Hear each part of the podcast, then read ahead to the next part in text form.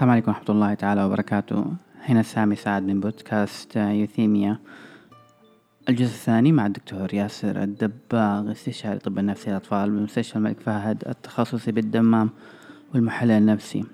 من لم يستمع للجزء الأول فنصيحة والله من القلب آه إنه يستمع إليه. الجزء الأول يكاد يكون فرض كفاية إن صحت العبارة لعمق والمواضيع اللي تناولناها في الجزء الأول. ما بطول عليكم أترككم مع الجزء الثاني. أسعد كثير بأي اقتراح بأي نقد على إيميلي على على الإنبوكس حق بودكاست يوثيمي على تويتر أو على منصة لدونا. ما عندي كلام أكثر أترككم مع الجزء.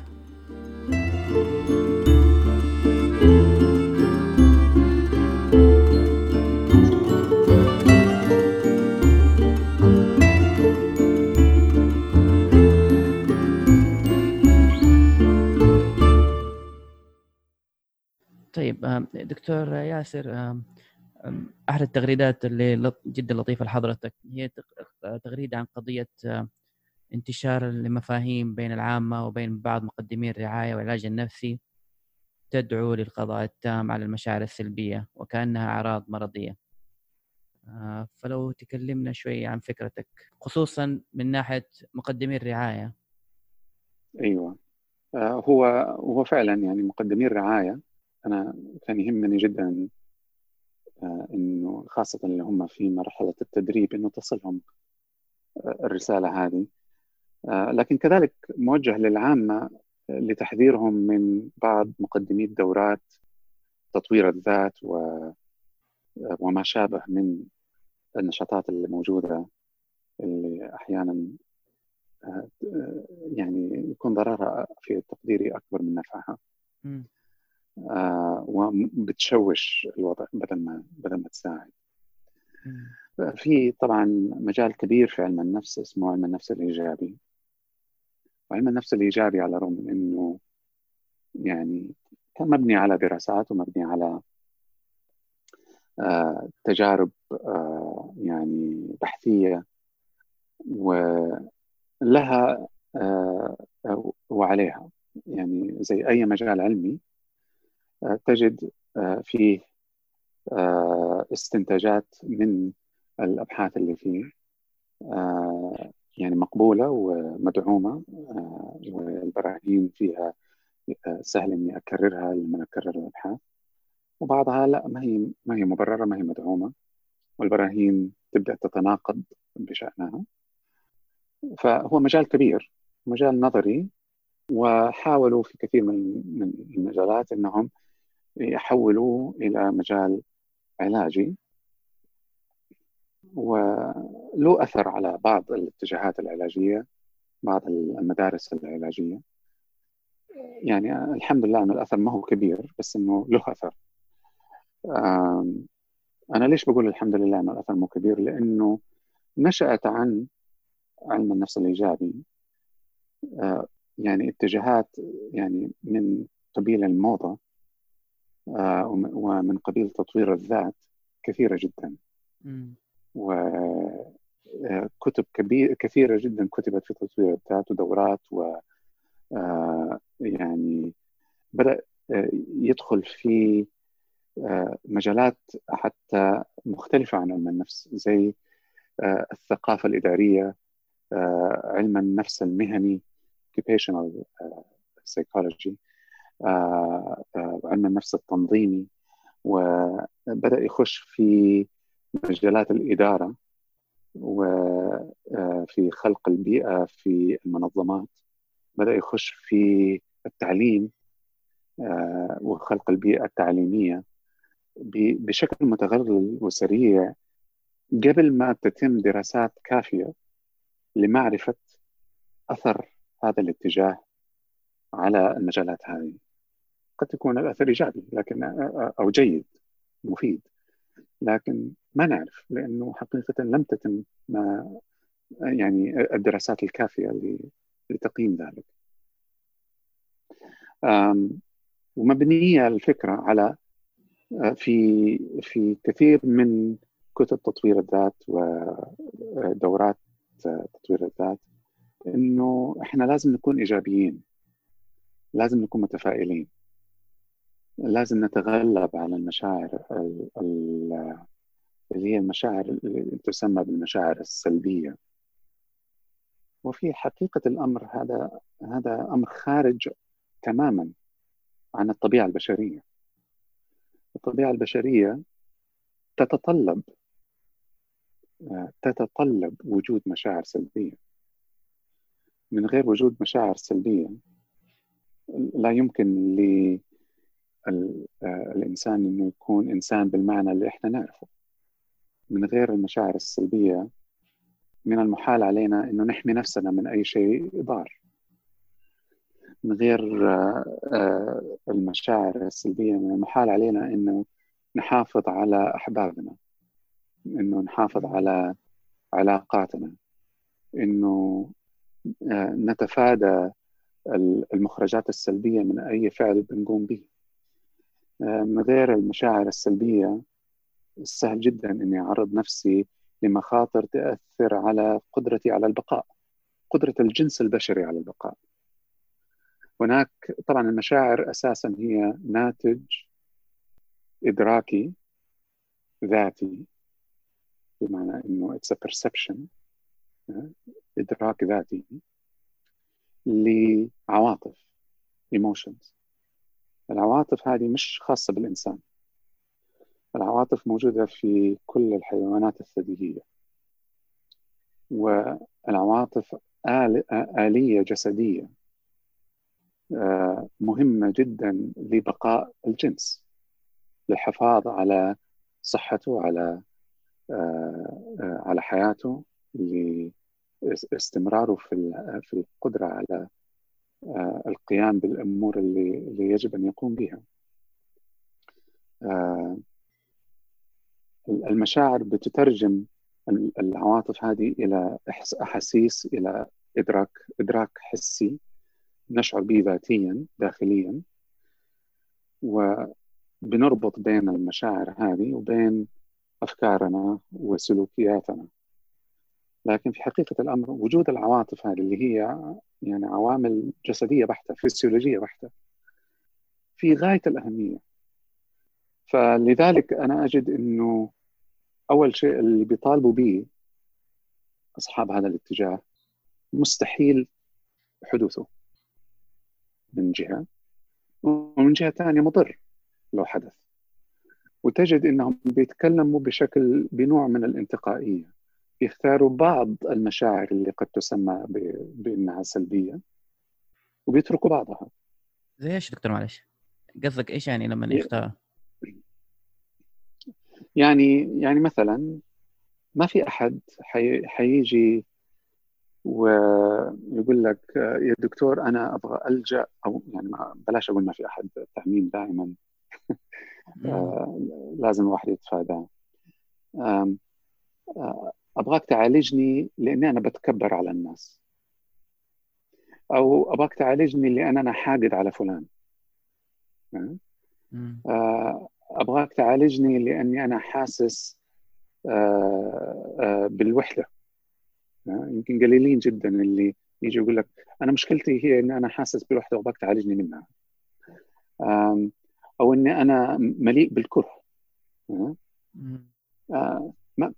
يعني مين اللي حيجيك يطلب العلاج من هذه الأشياء بينما حقيقة هذه المشاعر يمكن الاستبصار بمسبباتها حيكون لها أثر ضخم جدا على حياة الإنسان. يجيك حق تطوير الذات ويقول لك حيفيدك بإيش الندم؟ والله لا حيفيدك بأشياء كثير جدا الندم. صحيح. ارجوك أرجوك لا تتخلى عن الندم. طبعا ممكن إنه الندم يصل إلى إلى مستوى من الحدة مستوى من الشدة مستوى من التغلغل في حياة الإنسان إلى أنه يكون معاناة كبيرة وبيقلل من جودة حياة الإنسان. هنا يحتاج إلى علاج. لكن الندم بشكل مطلق من الخطأ تماما أنه نتخلى عنه. لا القلق. القلق بشكل مطلق لو تخلينا عنه آه، يعني لن نعيش. نستطيع الاستمرار في الحياة. ما حنعيش آه، وكذلك تقريبا كل المشاعر السلبية. آه، فيعني المسألة هذه فيها تعامل في درجة من التبسيط اللي هو في تسطيح حقيقة للعقل البشري. أنا أخرى دكتور غير المعاناة الأساسية بالضبط بالضبط فيعني نحن يعني لابد إنه إحنا كممارسين ما ما ما ما نسطح العقل البشري لهذه الدرجة. ربما بما إنه طرحنا موضوع تنمية الذات، إيش رأيك ب يعني الأمر اللي يمكن صار منتشر الفترة الماضية اللي هو مدربي الحياة أو ال life coaches؟ والله يعني أنا ما أقدر إني أعمم. آه، في ناس فعلا فعلا بياخذوا تدريب جميل جدا في ال coaching آه و آه بيكون واخذ في الاعتبار كل المحاذير اللي يعني من بين المحاذير اللي نتكلم فيها الآن هذه.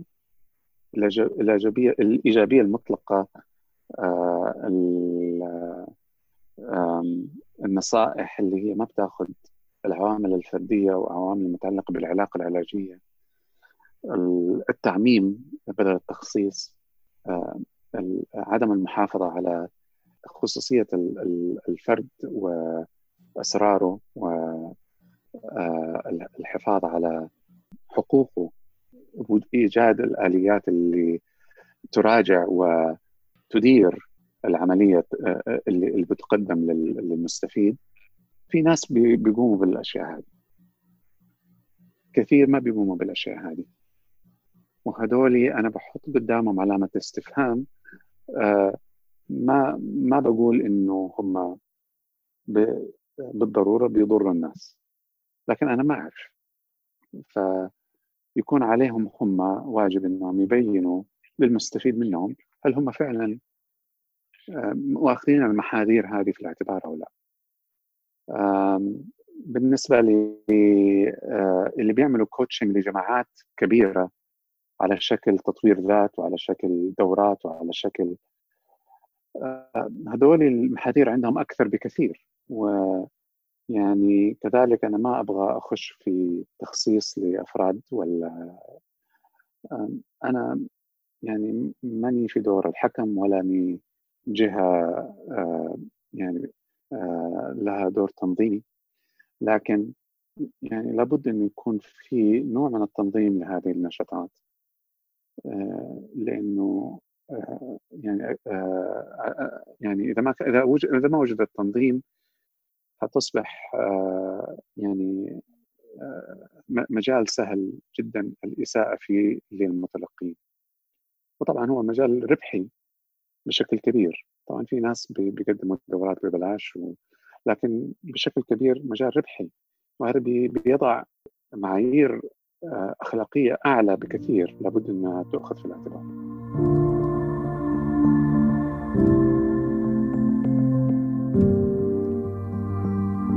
ننتقل للمحور التالي محور البرنامج الوطني للتحليل النفسي.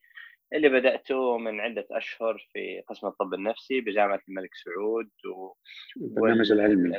البرنامج العلمي نعم نعم البرنامج العلمي نعم. عفوا. آه آه حسب ما فهمت إنه البرنامج نرجو إنه يكون وطني. نرجو إنه يصير وطني في يوم من الأيام. نعم. ممكن هذه فروديان سليب تعكس الأمال بالضبط. أيوه فطبعا البرنامج يعني آه حسب اللي فهمت إنه قامت عليه الأستاذة خلود باسماعيل. وحضرتك دكتور ياسر الدباغ وأيضا دكتوره غادة السعد وشارك معكم في أحد المرات الدكتور محمد الغامدي كضيف. وعقدت تقريبا أربع لقاءات لحد الآن. كيف تص... كيف تشوف التجربة دكتور لحد الآن؟ وما هي إيجابياتها وسلبياتها لحد هذه اللحظة؟ أم... هو بس آه، تعقيب. هو الآن البرنامج آه، يعني هو كان المفروض إنه يقيم جلسات آه، أو أمسيات آه، شهرية. وفي حصل تعارض مع بعض في فبراير مع بعض المؤتمرات واخترنا أن نأجل إلى إلى مارس. بعدين جاءت أزمة كوفيد 19 فبالتالي يعني الآن نحن متوقفين. بشكل مؤقت وبإذن الله نعود يعني قريبا. التجربة كانت في في الحقيقة جميلة جدا أدت إلى خلق شيئين. أحدهما أنا كنت متوقعه والشيء الثاني ما كنت متوقعه اللي كنت متوقعه إنه أجد إنه في نهم كبير لأي شيء متعلق بالتحليل النفسي. من ناحية الاهتمام بالمجال من الناحيه النظريه من ناحية نظريات التحليل النفسي كعلم كشيء الإنسان يتعلمه. آه لكن الشيء اللي ما كنت أتوقع إنه وجدت إنه كثيرين من العاملين في في المجالات المتعلقه سواء آه آه علم النفس أو طلبة الطب أو آه، الاطباء سواء نفسيين أو غير نفسيين متدربين أو متخ... أو انتهوا من التدريب. وجدت إنه عندهم إقبال كبير على المواد المطروحة. و زي ما تقول يعني كان بي بيغطي فجوة عندهم هم في حاجة لتغطيتها. وكثيرين كانوا بيعبروا بشكل شخصي عن رغبتهم في إيجاد الوسيلة لأنهم يتجهوا إلى هذا المجال إلى أنهم يتدربوا على العلاج التحليلي أو حتى على التحليل النفسي آه، بشكل كامل. هذه أنا ما كنت أعرف هل كانت راح تحدث ولا لا كان كنت مأمل إنها تحدث. لكن كانت مفاجأة جميلة إنه إنه لقيتها تحدث فعلا. كل لقاء كنا وبعد أول لقاء قبل كل لقاء يعني كنا كان في دائما حوارات جانبية وحوارات يعني على الخاص متعلقة بهذا الشيء. الطلب على العلاج التحليلي أساسا كان طلب عالي وما كنت أقدر عليه وازداد. ف يعني التجربة كانت جميلة جدا حقيقه الصعوبة اللي كانت فيها كانت في عندي أنا شخصيا. كانت في تقديم المادة باللغة العربية. حقيقه هذا كان سبب التردد. إحنا كنا بنتكلم في هذا الشيء من شهور كثيرة قبل ما يبدأ البرنامج. و بشكل متواصل كنت متردد بخصوص إني أقدم المادة بالعربي. وفي النهاية استقرينا على إنه نقدم المادة بالعربي و يعني الحمد لله إنه استطعنا إنه إنه نعمل كده. إن شاء الله يعني يكون في استمرارية بإذن الله. دكتور كم أمامنا حتى يصبح لدينا برنامج تدريبي للتحليل النفسي؟ للتحليل النفسي. آه مش العلاج التحليلي. العلاج التحليلي أمره أسهل. نعم. لكن للتحليل النفسي مسألة شوية معقدة.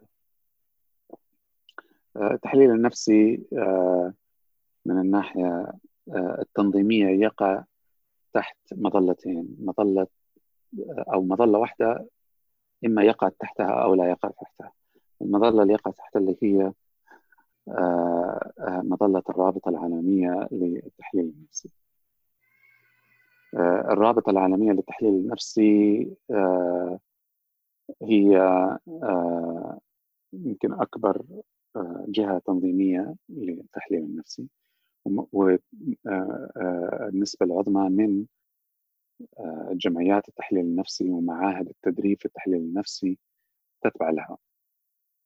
خارج الرابطة العالمية للتحليل النفسي هناك مدارس متعددة متفرقة ما لها مظلة مشتركة آه، بيتبعوا مدارس معينة أحيانا وأحيانا ما بيتبعوا مدارس معينة سواء تحت رابطة التحليل النفسي الدولية أو خارجها. الطبيعة التدريبية متشابهة إلى حد كبير يعني التشابه أكبر من الاختلاف. بس آه، الشروط اللي موجودة تحت رابطة التحليل الدولية آه، أو العالمية أكثر آه، صعوبة في أنها تحقق. لكن يعني هو هذا هدفنا هدفنا أنه إن شاء الله نصل في يوم من الأيام إلى تحقيق هذا الشروط. في نوع من الترتيب لدرجات المحللين. يعني الإنسان بعد ما يخلص التحليل أو أنا خلصت في 2004 التدريب على التحليل آه، وحصلت على العضوية آه، في 2005 آه، اللي بيتدرب تحت معهد تابع للرابطة الدولية بيتخرج ويصبح عضو في الجمعية اللي بتدير اللي بتدير هذه بتدير المعهد. وعضويته في المعهد في الجمعية تلقائيا تعطيه عضوية في الرابطة الدولية. بس بتصير عضوية كمحلل. بعد كده بعد كده بعد التدريب في التحليل العام. إذا المحلل كون خبرة كافية يعني عدد ساعات معين أو عدد سنين معين من ممارسة التحليل ما يقل عن خمس سنين. أحيانا يصل عشرة أو أكثر. مع إيجاد البراهين على أن اللي قاعد يسويه هذا تحليل نفسي فعلا وتقديم أوراق علمية آه، تحكم وتقديم وصف لحالات تم تحليلها وصف كامل وخضوع الأمور هذه لتحكيم والمرور بلجان وأحيانا في بعض المعاهد خضوع لاختبارات معينة. إن استطاع تحقيق كل هذه المعايير يصبح محلل مدرب بمعنى أنه يخضع للتحليل عنده اللي هم مرشحين للتدريب في التحليل النفسي. لأنه اللي بيدرب في التحليل النفسي لازم يخضع للتحليل بس ما يخضع للتحليل عند أي أحد. لابد يخضع للتحليل عند محلل مدرب. وهذه كذلك فيها بعض الاختلافات والتفاصيل المختلفة في بعض المعاهد يعني أعتقد طول شرحها. كذلك آه، عندنا تخصص في التحليل النفسي للأطفال المراهقين غير التحليل العام. بعد التدريب آه، على التحليل العام ممكن يتدرب عليه وبعد ما يتدرب على التحليل النفسي للأطفال المراهقين ممكن يصل المحلل إلى درجة محلل مدرب في التحليل للأطفال. يعني آه، مشوار طويل ترى. دكتور عندنا محللين مدربين في المملكة؟ ما عندنا. آه، وأنا الآن بصدد إني أحاول إني أصبح محلل مدرب وبأنظر في الخيارات اللي أمامي. يعني آه، أنا الأقدم بين من بين الموجودين. ومن السعوديين في خمسة محللين ثلاثة منهم أعضاء في الرابطة الدولية للتحليل النفسي. آه، عشان نستطيع أن نكون معهد تدريبي للتحليل النفسي في السعودية تابع للرابطة الدولية نحتاج أولا نكون جمعية وهذه لها شروطها وبعدين نحتاج نكون معهد ومن شروط تكوين المعهد أن يكون عندنا أربعة محللين مدربين. فهذه حتاخذ آه، فترة. يعني ما أتوقع أنها ممكنة قبل 15 سنة من الآن آه، لو استمرينا في تدريب الناس لهذا الشيء. وهذا شيء طبيعي في تاريخ آه، معظم المعاهد التدريبية. لكن بالإمكان أننا نوجد اتفاقيات تدريبية مع معاهد أخرى. وهذه حتساعدنا إننا نزيد عدد المحللين اللي, اللي عندنا. وبالتالي نزيد عدد المحللين اللي حيصيروا على درجة مدربين. وبكذا في النهاية نستطيع نحصل على الاستقلالية. فالمسألة يعني تاخذ وقت.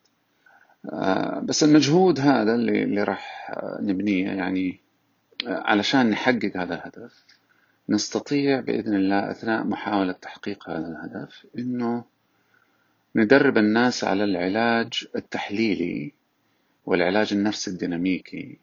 أمرهم أسهل يعني هذه أهداف أسهل تحقيقها والموجودين فيهم الخير والبركة وممكن يساهموا في هذا الشيء. آه، كيف تشوف واقع العلاجات التحليلية والديناميكية عندنا في السعودية؟ آه، في الواقع الحقيقة غير مرضي إطلاقا. عدد اللي يستطيعوا أنهم يقدموا علاج ضئيل جدا. وإمكانية تدريب آه، سواء الأطباء أو أخصائيين النفسيين في هذا المجال آه، ضئيلة جدا. ويعني إحنا نبدأ إن شاء الله في إدراج التدريب آه، يعني وضعنا الخطة لذلك وكان على أساس أنه يبدأ التدريب ولو بشكل جزئي في 2020 في برامج التدريب في الطب النفسي لكن الوضع بالفعل آه، سيء. وهناك تعطش هناك تعطش كبير. يعني تعطش صعب إني أصفه. بين الناس لهذا النوع من العلاج. لأنه العلاج اللي بيساعد على تلبية حاجة قد لا يستطيع المراجع إنه يعبر عنها وهي آه، إنهم بحاجة إلى إنه تكون قصة حياتهم مفهومة إنه يستطيعوا إنه يتعاملوا مع الأمور من جذورها. إنه آه، تبدأ الأنماط السلوكية وأنماط العلاقات الموجودة اللي هي آه، جذرية في دورها في في نشوء مشاكلهم ومعاناتهم إنها تتغير. وهذه آه، هي الفئة من العلاجات النفسية هي اللي اللي بتقوم بهذا الدور. ننتقل للمحور الثاني يتعلق بتدريب البرامج التدريبية في الطب النفسي للأطباء المقيمين عندنا. كيف تشوف واقعها مقارنة بمثيلاتها في الدول اللي سابقتنا في هذا المجال؟ أه، الحقيقة التدريب على العلاج النفسي لدينا في السعودية أه، في برامج التدريب في الطب النفسي قليل أو معدوم ولكن على الرغم من أنه يعني بهذه الدرجة من السوء أنا متفائل جدا وححاول أني أعطي شيء من التفصيل. التدريب على العلاج النفسي التدريب في الطب النفسي جزء أساسي محوري لا غنى عنه إطلاقا وربما يعني يكون هو الأكثر محورية. في التدريب في الطب النفسي. هذا هو الكلام عالميا في معظم برامج التدريب في الطب النفسي في الدول الغربية المتقدمة. والشيء هذا يعتبر غريب عن العالم العربي بشكل عام وعن السعودية بشكل خاص. وجزء كبير من السبب هو أنه البرامج التدريبية اللي قامت يعني قامت من الصفر يعني تم بنائها من الصفر في فترة زمنية قياسية بعدد محدود من آه، المدربين والعدد المحدود من المدربين عدد محدود أكثر منهم آه، آه، يعني كان عندهم تدريب على أي نوع من أنواع العلاج النفسي. وفي في الغالب قليل من أنواعها. وبالتالي كان في ضغط كبير على إنه نوجد أطباء نفسيين بتدريب محلي يستطيعوا إنهم يقوموا بمهام الطبيب النفسي في أسرع وقت. وكان في نوع من التوقع على ما يبدو إنه الأخصائيين النفسيين ممكن إنهم يغطوا الفجوة في العلاج النفسي. أنا هذا توقع مني لكن ما أعرف كان صحيح ولا لا. لكن الأخصائيين النفسيين لا يمكن أن يغطوا الفجوة. في بداية 2019 عدد الأخصائيين النفسيين بحسب دراسة قامت بها قام بها المجلس الصحي السعودي عدد الأخصائيين النفسيين الحاصلين على الماجستير أو الدكتوراه في علم النفس الكلينيكي في السعودية كان 175 وإحنا محتاجين إلى 100 آه، ضعف هذا العدد آه، لتغطية الحاجة فقط من العلاج النفسي.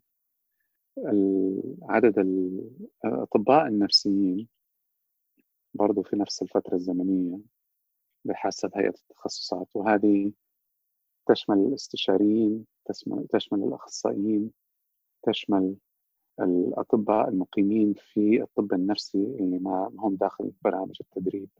كان عدد بسيط فوق الألف. ولو كانوا كلهم استشاريين وهم مش كلهم استشاريين لو كانوا كلهم استشاريين نحتاج 5000 آه، بحد أدنى. فالفجوة ضخمة جدا وصعب يعني في غاية الصعوبة مع التنافس الشديد لكل مجالات كل المجالات المتعلقة بالطب النفسي على تدريب الأطباء. إنهم يحصلوا على مهارة أساسية فيها بحيث أنهم يقدروا يقدموا خدمة.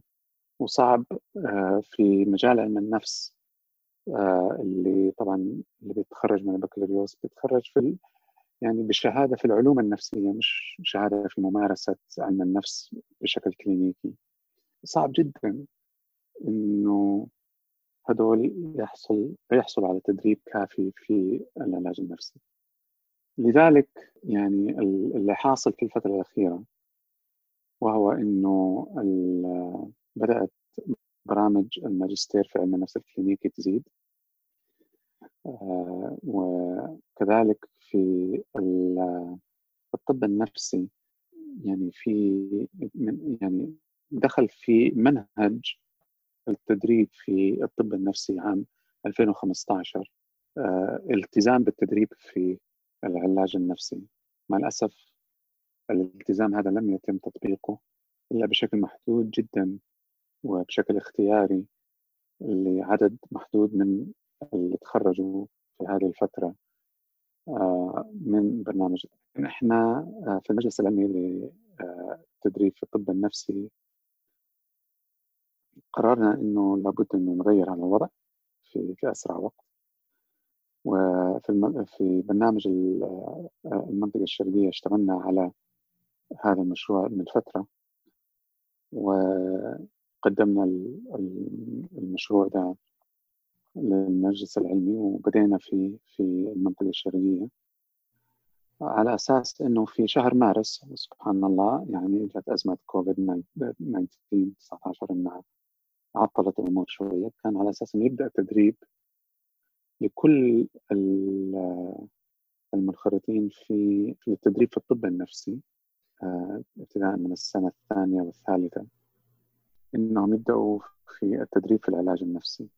ويكون متاح لهم التدريب في العلاج النفسي الديناميكي والعلاج النفسي آه، الذهني السلوكي. آه، عدد المشرفين اللي يستطيعوا إنهم يقدموا إشراف على هذا هذه الأنواع من العلاج بتتفاوت من منطقة لمنطقة وبالتالي إمكانية الحصول على التدريب في النوعين آه، يعني قد تكون تتوفر للجميع قد ما تتوفر. لكن كان هدفنا إنه آه، في على نهاية التدريب في الطب النفسي يكون الطبيب النفسي يتعرض ولو بشكل ابتدائي لهذول النوعين من العلاج النفسي. آه، وواضعين في الاعتبار إنه أنواع أخرى آه، زي العلاج الجمعي آه، زي آه، العلاج البين شخصي زي آه، العلاج السلوكي الجدلي زي العلاج الأسري وعلاج الثنائي. يعني وبعض أنواع العلاج النفسي للأطفال. في كثير أنواع من العلاج النفسي طبعا. فوضعين في الاعتبار أنه لو استطاع الطبيب إنه يتعرض لبعض الأنواع تعتبر يعني قيمة إضافية آه، ونشجعهم عليها. في الدول الغربية يعني أنا طبعا البرنامج التدريبي بيضع البرنامج الكندي وإلى حد ما البرنامج الأمريكي كنموذج لمحاولة الاحتذاء بهم. ف في النماذج هذه بيطالب المتدرب في الطب النفسي إن إلى أنه يحصل على درجة حد أدنى من الكفاءة في آه، أربعة من خمسة أنواع أساسية من العلاج النفسي. آه، من بينها العلاج النفسي الديناميكي أو السيكوديناميكي بما في ذلك العلاج النفسي التحليلي العلاج الذهني السلوكي. بما فيها ذلك آه، فروع العلاج السلوكي وفروع العلاج المعرفي. العلاج البين شخصي العلاج الأسري والعلاج الجمعي. العلاج الأسري والجمعي لهم مدارس كثيرة فطبعا ما هو مطالب بمدارس كلها مدرسة منهم كفاية. ف مطالبين ب يعني بيختاروا مدرسة من المدارس في واحدة من الفئات الخمسة في أربعة من الفئات الخمسة هذه ويحصلوا على. حد أدنى من الكفاءة فيها ويفضل أنه يحصل على حد متوسط من الكفاءة في واحدة منهم بحيث أنه يستطيع أنه يمارس بعد التخرج في هذا المجال بحد أدنى من الإشراف أو بدون إشراف إذا إذا كان مضطر لذلك طبعا يعني هذا الهدف هذا تحقيقه أصلا هناك في درجة من الصعوبة ولكنه يتم تحقيقه في الغالب. هنا آه، تحقيقه صعب جدا. آه، لكن الحمد لله بدينا المشوار في آه، محاولة تحقيق أهداف بهذا الشكل. فلذلك أنا متفائل لأنه دائما المشكلة تبدو مستعصية إلى أن تبدأ في محاولة حلها. صحيح. دكتور في تصوري أنه أكبر عائق ممكن تواجه تطبيق آه، تدريب الأطباء النفسيين المتدربين أثناء فترة الإقامة على العلاجات النفسية المختلفة هو ندرة عدد المعالجين اللي بإمكانهم توفير الإشراف. فهل هذا صحيح؟ وهل في عوائق أخرى؟ هو هذا العامل هو فعلا هو فعلا هذا العامل الأكبر. هو هذا العامل الأكبر. ولكن يعني في بداية الطريق آه، آه، صعب جدا علينا خاصة إنه إحنا ما إحنا قاعدين نقول للمتدربين إنه نبغاكم تصلوا إلى درجة عالية من الكفاءة في هذا النوع من العلاج النفسي، إحنا قاعدين نقول لهم نبغاكم تصلوا إلى الحد الأدنى من الكفاءة. ف آه، لذلك صعب جدا إني أنا أطالبهم بأنهم يعملوا التدريب تحت إشراف شخص متخصص في المجال لكن شخص عنده درجة متوسطة من الكفاءة تكفي عندي آه، في بداية الطريق آه، آه، لأنه يكون مشرف للمتدرب وليش إحنا يعني قررنا إنه نتنازل بهذا الشيء بهذا الشكل؟ لأنه في حقيقة الأمر تاريخ التدريب في العالم الغربي كان ماشي على نفس هذا الخط. نعم. في البداية كده كانوا بيعملوا وإلى الآن في برامج التدريب الطرفية اللي هي ما هي في جامعات كبيرة ومتوفر عندهم أعداد كبيرة من المدربين. يعني مثلا جامعة زي جامعة تورونتو هيئة التدريس فيها فيها آه، أكثر من 800 استشاري. جامعة آه، فيعني محال إنه يكون عندنا نفس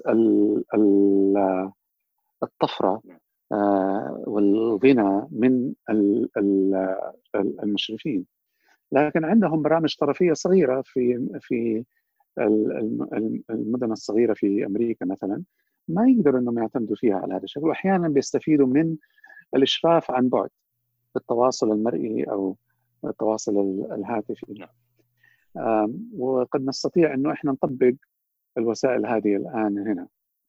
فلذلك إحنا بنمشي على نفس الخط. الشيء الثاني إنه في غياب هذا التدريب اللي هو بدرجة آه، يعني أقل من المثلى.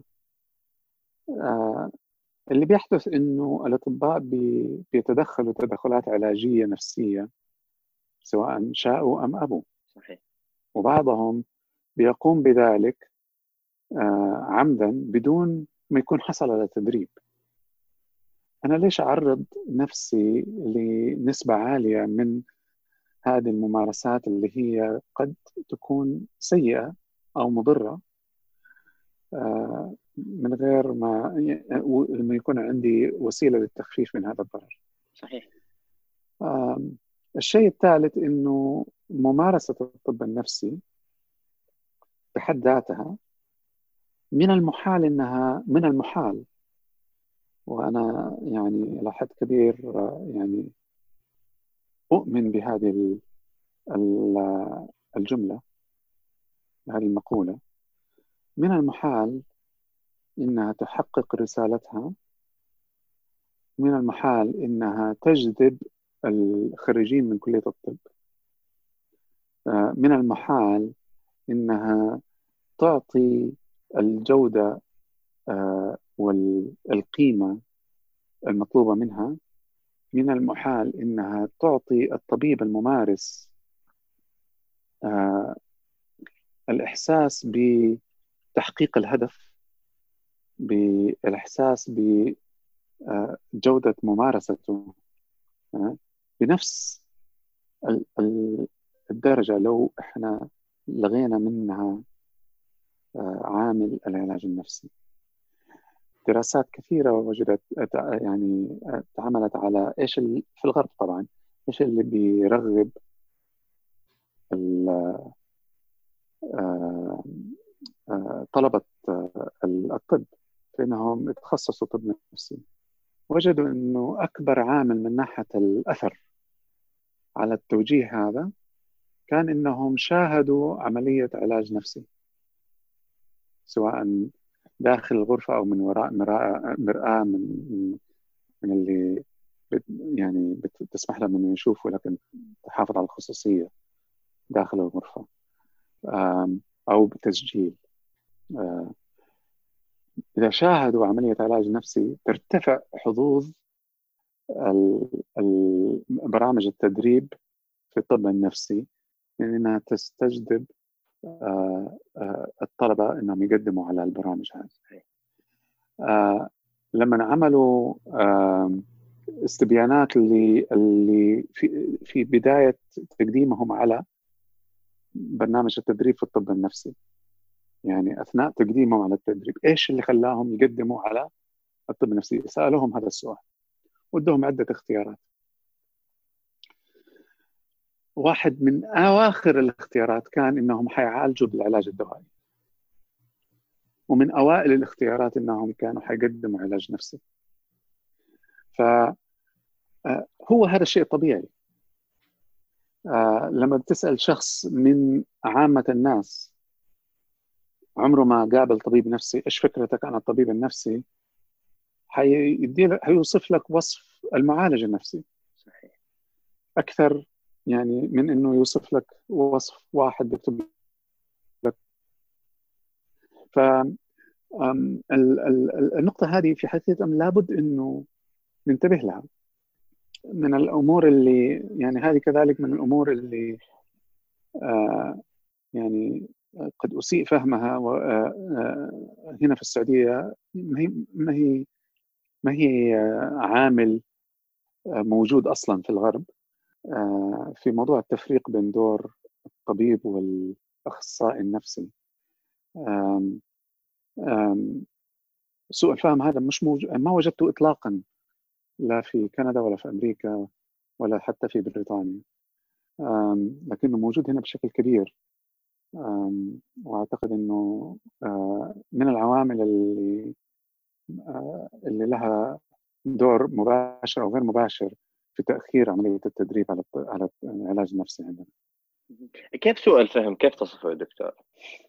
آه يعني حقيقة يرى آه كثير من الناس كثير من سواء أطباء نفسيين أو آه أخصائيين نفسيين إن العلاج النفسي آه شيء خاص المختص بعلم النفس الكلينيكي أو المختص بعلم النفس بشكل عام. آه، وليس تدخل علاجي آه، بل مهنة. العلاج النفسي مش مهنة. العلاج النفسي تدخل علاجي آلية علاجية. الآلية العلاجية هذه لها شروط وشروطها هي أنه الإنسان يكون عنده مؤهلات وتدريب كافي. بغض النظر عن آه، إيش هي إيش نوع المجال اللي حصل فيه على المؤهلات هذه. العلاج النفسي بحاجة إلى حد أدنى من التدريب إما في الطب النفسي أو الطب بشكل عام. آه، وبعد كده تدريب تحت إشراف في نوع العلاج النفسي المقدم. آه، وهذا آه، آه، بالنسبة للأطباء أو علم النفس سواء كلينيكي أو إرشادي تحت الإشراف أيضا أو علم النفس بشكل عام. يعني لو شخص متخصص النفس من من أحد الفروع الأخرى لكن حصل على الإشراف الكافي حصل على التدريب الكافي فالمفروض إنه يحق له إنه يقدم العلاج النفسي. ممكن المعالج النفسي يكون أخصائي علاج وظيفي أخصائي اجتماعي. العلاج النفسي أو التمريض نفسي ما هو مختص ابدا العلاج النفسي بمهنة معينة. آه، لكن مختص إنه يكون عندك تدريب في مهنة لها علاقة آه، واضح وكافي مقبول. ثم تدريب تدريب في جودة واضحة وإشراف كافي في النوع العلاج النفسي المقدم. فمن من بين سوء الفهم اللي حاصل إنه وهذا في, على كل الأطراف إنه يحس الطبيب النفسي إنه المفروض اللي يقدم العلاج النفسي الأخصائي النفسي أو يحس الأخصائي النفسي إنه الطبيب النفسي اللي بيقدم علاج نفسي قاعد يأكل رزقه. آه، وطبعا يعني هذا سوء فهم آه، آه، مضر للطرفين. وللمريض في النهايه وغير مبرر وللمريض وغير مبرر اطلاقا لأنه آه، المجالين مكملين لبعض اللي يقرر في علم النفس الكلينيكي إنه كل دوره في حياته هو العلاج النفسي فهو بيشحذ وبيظلم علم النفس الكلينيكي لأن علم النفس الكلينيكي أوسع من كده. اللي يقرر في الطب النفسي إنه العلاج النفسي ما هو جزء من دوره بيظلم الطب النفسي. أنا عندي المتدربين لما يجي يقول لي المتدرب بيكلمني عن المريض وبيقترح خطة علاجية ويقول لي آه كجزء من الخطة العلاجية أحوله على علم النفس. أقول له ليش تبغى تحوله على علم النفس؟ يقول لي علشان ياخذ علاج نفسي. يعني أنا اشوفها إنه هنا قام بخطأ فكري. يعني لأنه ما قاعد يفكر في آه إنه المريض محتاج إلى تدخل علاجي قاعد يفكر بإنه المريض محتاج إلى مهنة إلى شخص ممتهن بمهنة معينة ومعلق شهادة معينة في في مكتبه. وهذا هذا النوع من التفكير آه، خاطئ وقد يؤدي إلى مشاكل كثيرة إذا إذا طبق في مجالات أخرى كذلك. صحيح. آه، وهناك خلافات يعني تجد آه، يعني حوارات وجدال يعني مش حوارات جدال عقيم كثير في وسائل التواصل الاجتماعي بخصوص هذا الشيء جدال ما يودي ولا يجيب ما يستفيد منه آه، أحد اطلاقا إحنا كممارسين في المجالات النفسية لابد نحافظ على مهنة وكل آه، آه، واحد يحافظ على مهنته ونحافظ على جودة العلاج النفسي بغض النظر مين المهنة اللي بتقدمه ونحافظ على جودة العلاج النفسي بإنه نوجد البرامج التدريبية المناسبة هذا واحد. واثنين إنه الأجهزة الرقابية اللي تمنع اللي ما حصل على التدريب في انه يقدم هذا التدريب. لأنه لأنه هذه حقيقة المشكلة الحالية الموجودة الآن. إنه كثير من اللي بي بي بي بيقول إنه بيقدم علاج نفسي لم يحصل على هذا التدريب. بغض النظر إيش المهنة اللي وإيش الشهادة اللي هو معلقها. فهنا المشكلة مش آه، إيش المهنة آه، اللي أو إيش الشهادة اللي عندي. صحيح. صحيح. آه، خلينا دكتور يمكن أنا في بداية سؤالي يعني كنت أنوي معرفة رأيك عن واقع تدريب الطب النفسي في البرامج التدريبية عموما وكنت حسالك بعدها عن واقع تدريب العلاج النفسي ضمن البرامج هذه ولكن أنت جاوبتني عن السؤال الثاني مشكورا فاختصرت علي السؤال الثاني. بس خليني أرجع على آه. النقطة الأساسية لأن صراحة يهمني معرفة رأيك. هذه هذه هذه زلة فرويدية في في الاستماع. بس بس بس بالعكس حقيقة أعتقد ان تطرقنا حتى المحور مهم اللي هو يعني. الفرق بين علم النفس والطب النفسي عندنا وأعتقد إنه هذه واحدة من أكثر الإشكالات اللي فيها لبس بس خليني أعرف رأيك بجانب موضوع القصور اللي عندنا في تدريب الأطباء النفسيين آه، أثناء برامج الإقامة في العلاج النفسي. هذا يمكن يكاد يكون أحد أكبر إن لم يكن هو أكبر أوجه القصور في البرامج الحاليه من الجوانب الأخرى كيف تقارنها بالدول الأخرى اللي سبقتنا في هذا المجال؟ هو بالفعل التدريب على العلاج النفسي أكبر جانب للقصور. الجوانب الأخرى آه، في بشكل آه، يعني آه، متنامي إحنا قاعدين بنحلها بشكل تدريجي. مش بالسرعة اللي إحنا نتمناها. لكن آه، حقيقة أنا قاعد أشوف تطور مع مرور الوقت. أنا لي الآن في البرنامج التدريبي آه، خمس سنين و آه، بحمد الله يعني أنا ألمس التحسن التدريجي. التحسن التدريجي ما قاعد يصير بالسرعة اللي الواحد يأمل بها. لكن في واقع الأمر يعني آه، برامج التدريب في في الطب النفسي جهاز كبير. يعني أنت بتتكلم آه، أنا خليني فقط أتكلم عن المنطقة الشرقية. يعني أنت إذا تكلمنا عن المنطقة الشرقية تقدر تضرب في ثلاثة آه، عشان تعرف التدريب في السعودية كلها. يكون حوالي 40 متدرب في البرنامج موزعين على ثمانية مراكز تدريبية. ما لهم مظلة غير هيئة التخصصات الصحية. يعني ما هم تابعين لجامعه زي ما بيحدث في الدول الغربية. آه، عدد المدربين يعني تقدر تتخيلوا إذا كانوا هم في ثمانية مراكز تدريبية.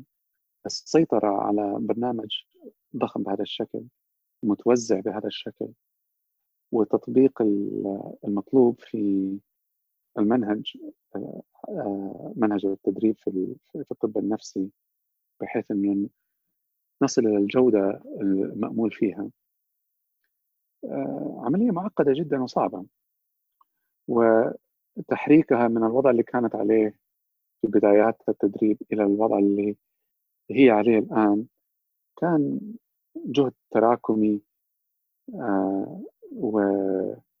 ومتواصل من عدد كبير من الناس. ما في أي شخص يقدر إنه يقول إنه يرجع له الفضل. آه، فهذا يعني آه، زي ما تقول برنامج التدريب كأنه كائن حي قاعد ينمو. آه، من الصعب جدا إنه يكبر من الطفولة إلى النضج بشكل سريع. لكن هذا اللي قاعد يحدث هو الآن قاعد ينضج. وفي عوامل قصور بالذات في التعرض لكثير من التخصصات الفرعية التخصصات الدقيقة. عندنا بعض الضعف في التخصصات المتعلقة بالإدمان لأنه عدد المختصين فيه قليل عدد المختصين في طب نفس الأطفال والمراهقين قليل عدد المختصين في الطب النفسي الجسدي التواصلي آه، قليل. آه، كثير من الفروع العدد فيها قليل. وبالتالي كل ما قل عدد المدربين والمشرفين كل ما قل إمكانية أنه يكون التعرض لهذا المجال بجودة وبقوة وبدرجة كافية. لكن في الطب النفسي العام آه، خاصة في مجال التنويم الاضطرابات الشديدة جودة التعرض والتدريب آه، إلى حد آه، ما مقبول. تنقص العوامل المتعلقة بالعلاج النفسي تنقص العوامل المتعلقة بالعلاج المعتمد على البراهين آه، إلى حد ما. تنقص قدرة المتدرب على أنه يتابع المريض لفترات طويلة. عشان يكون خبرة بالتاريخ الطبيعي للمرض بحيث أنه يستطيع أنه يمارس بشكل آه، مستقل آه، وبدون موارد آه، داعمة لو اضطر أنه يشتغل في أماكن طرفية مثلا. ففي نواقص لكن يعني نعمل على تقليل منها وبإذن الله سنصل إلى المستوى المطلوب قريبا بإذن الله. وأنتم بيدكم أنتم حتكونوا الجيل القادم آه، آه، للقيام بهذه التغييرات والتطويرات. أوكي آه، جميل. دكتور قبل ما نختم أنا بس بروح اعقب تعقيب بسيط على قضية وجود العلاج تدريب العلاج النفسي في برنامج التدريب للاطباء أو برنامج تدريب الطب النفسي. بالفعل هو يعني إشكالية وأشعر إنه يعني عدم وجود تدريب علاج نفسي له يعني إفرازات كثيرة يمكن من أهمها قضية إنه العملية تكون آلية في غرفة العيادة بالنسبة للطبيب. المريض يحضر إيش أعراضك إيش تشخيصك إيش دواءك أمشي على الدواء ده أمشي على الجرعة دي next ال patient اللي بعده. آه، جانب إنه قضية كمان هذا اللي احس زي ما تفضلت قضية الخصام اللي حاصل. ما بقول كلمة خصام لكن أقول آه، ما صراحة ما أجد مصطلح ثاني. يمكن خلينا نقول الحدة في النقاش بعض الاحيان بين الأطباء النفسيين والاخصائيين النفسيين. سببها إنه كل واحد أخذ له جهة في تدريبه في عمله مع إنه كلنا نشتغل في في تقريبا في مظلة واحدة. كمان برضو هذه كمان دائرة تدور يعني الطلاب الطب طلاب الطب في الكليات لما ياخذ تدريب الطب النفسي هو اللي يشوفه ما يشوف علاج نفسي هو يشوف أطباء يمارسوا الطب النفسي اللي موجود عندنا أو اللي تدربنا عليه. فالفكرة دي تستمر. الطالب الطبي يخرج من الكلية هو في في في ذهنته في فكره إنه السايكايتري الطب النفسي هو نروح للمستشفى المخصصة المعينة. ونعطي الأدوية مر... آه... نعطي المرضى أدوية معينة وهذا هو هذا هو ال psychiatry ما في علاج نفسي وهذا اللي حاصل فهذه عملية قاعدة تدور وتستمر في هذه الإشكالية. وكان برضه في قضية قضية ال interview اللي تصير للأطباء اللي ينقبلوا في البرامج الطب النفسي المعايير تكاد تكون كبيرة بناحيه التحصيل العلمي أو الدرجات أو المعلومات الطب في الطب النفسي بالذات بعيدا. عن آه، مقدرة الشخص في الحوار مقدرة الشخص فكرته عن العلاج النفسي. هذه جانب تكون ربما مفقودة أنا أنا أظن لا أجزم. فهذا الشيء خليه يستمر. آه هذا بس شيء في نفسي حبيت أقوله.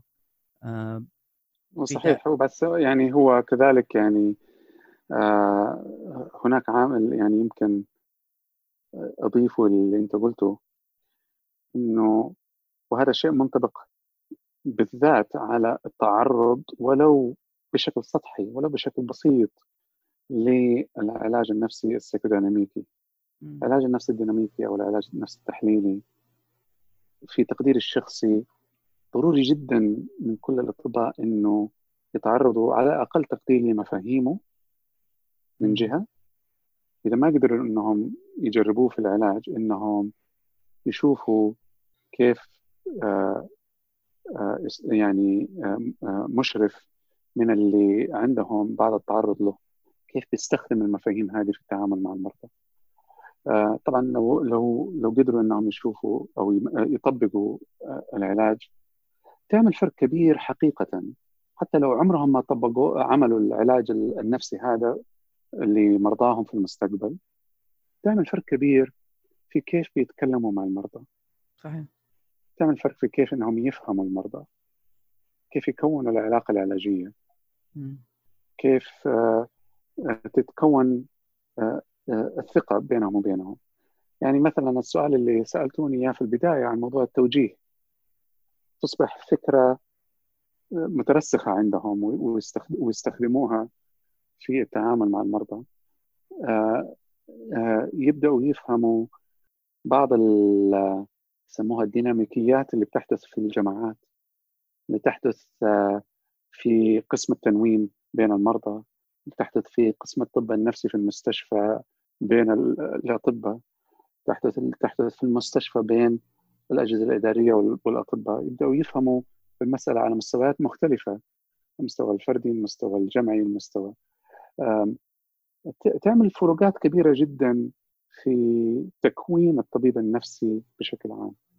وأنا يعني آه، آه، أتمنى أمنية آه، من القلب إنه ما نحرم خريجين مستقبل من برامج التدريب عندنا من إنه تدخل هذه العوامل في تدريبهم.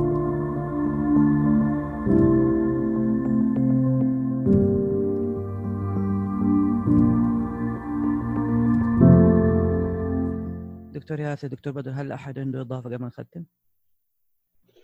أنا بس بدي أقول إنه يعني أول شيء يعطيكم العافية وعلى الرغم من صعوبة التواصل ورداءة آه، ال ال ال الإنترنت ما عندي و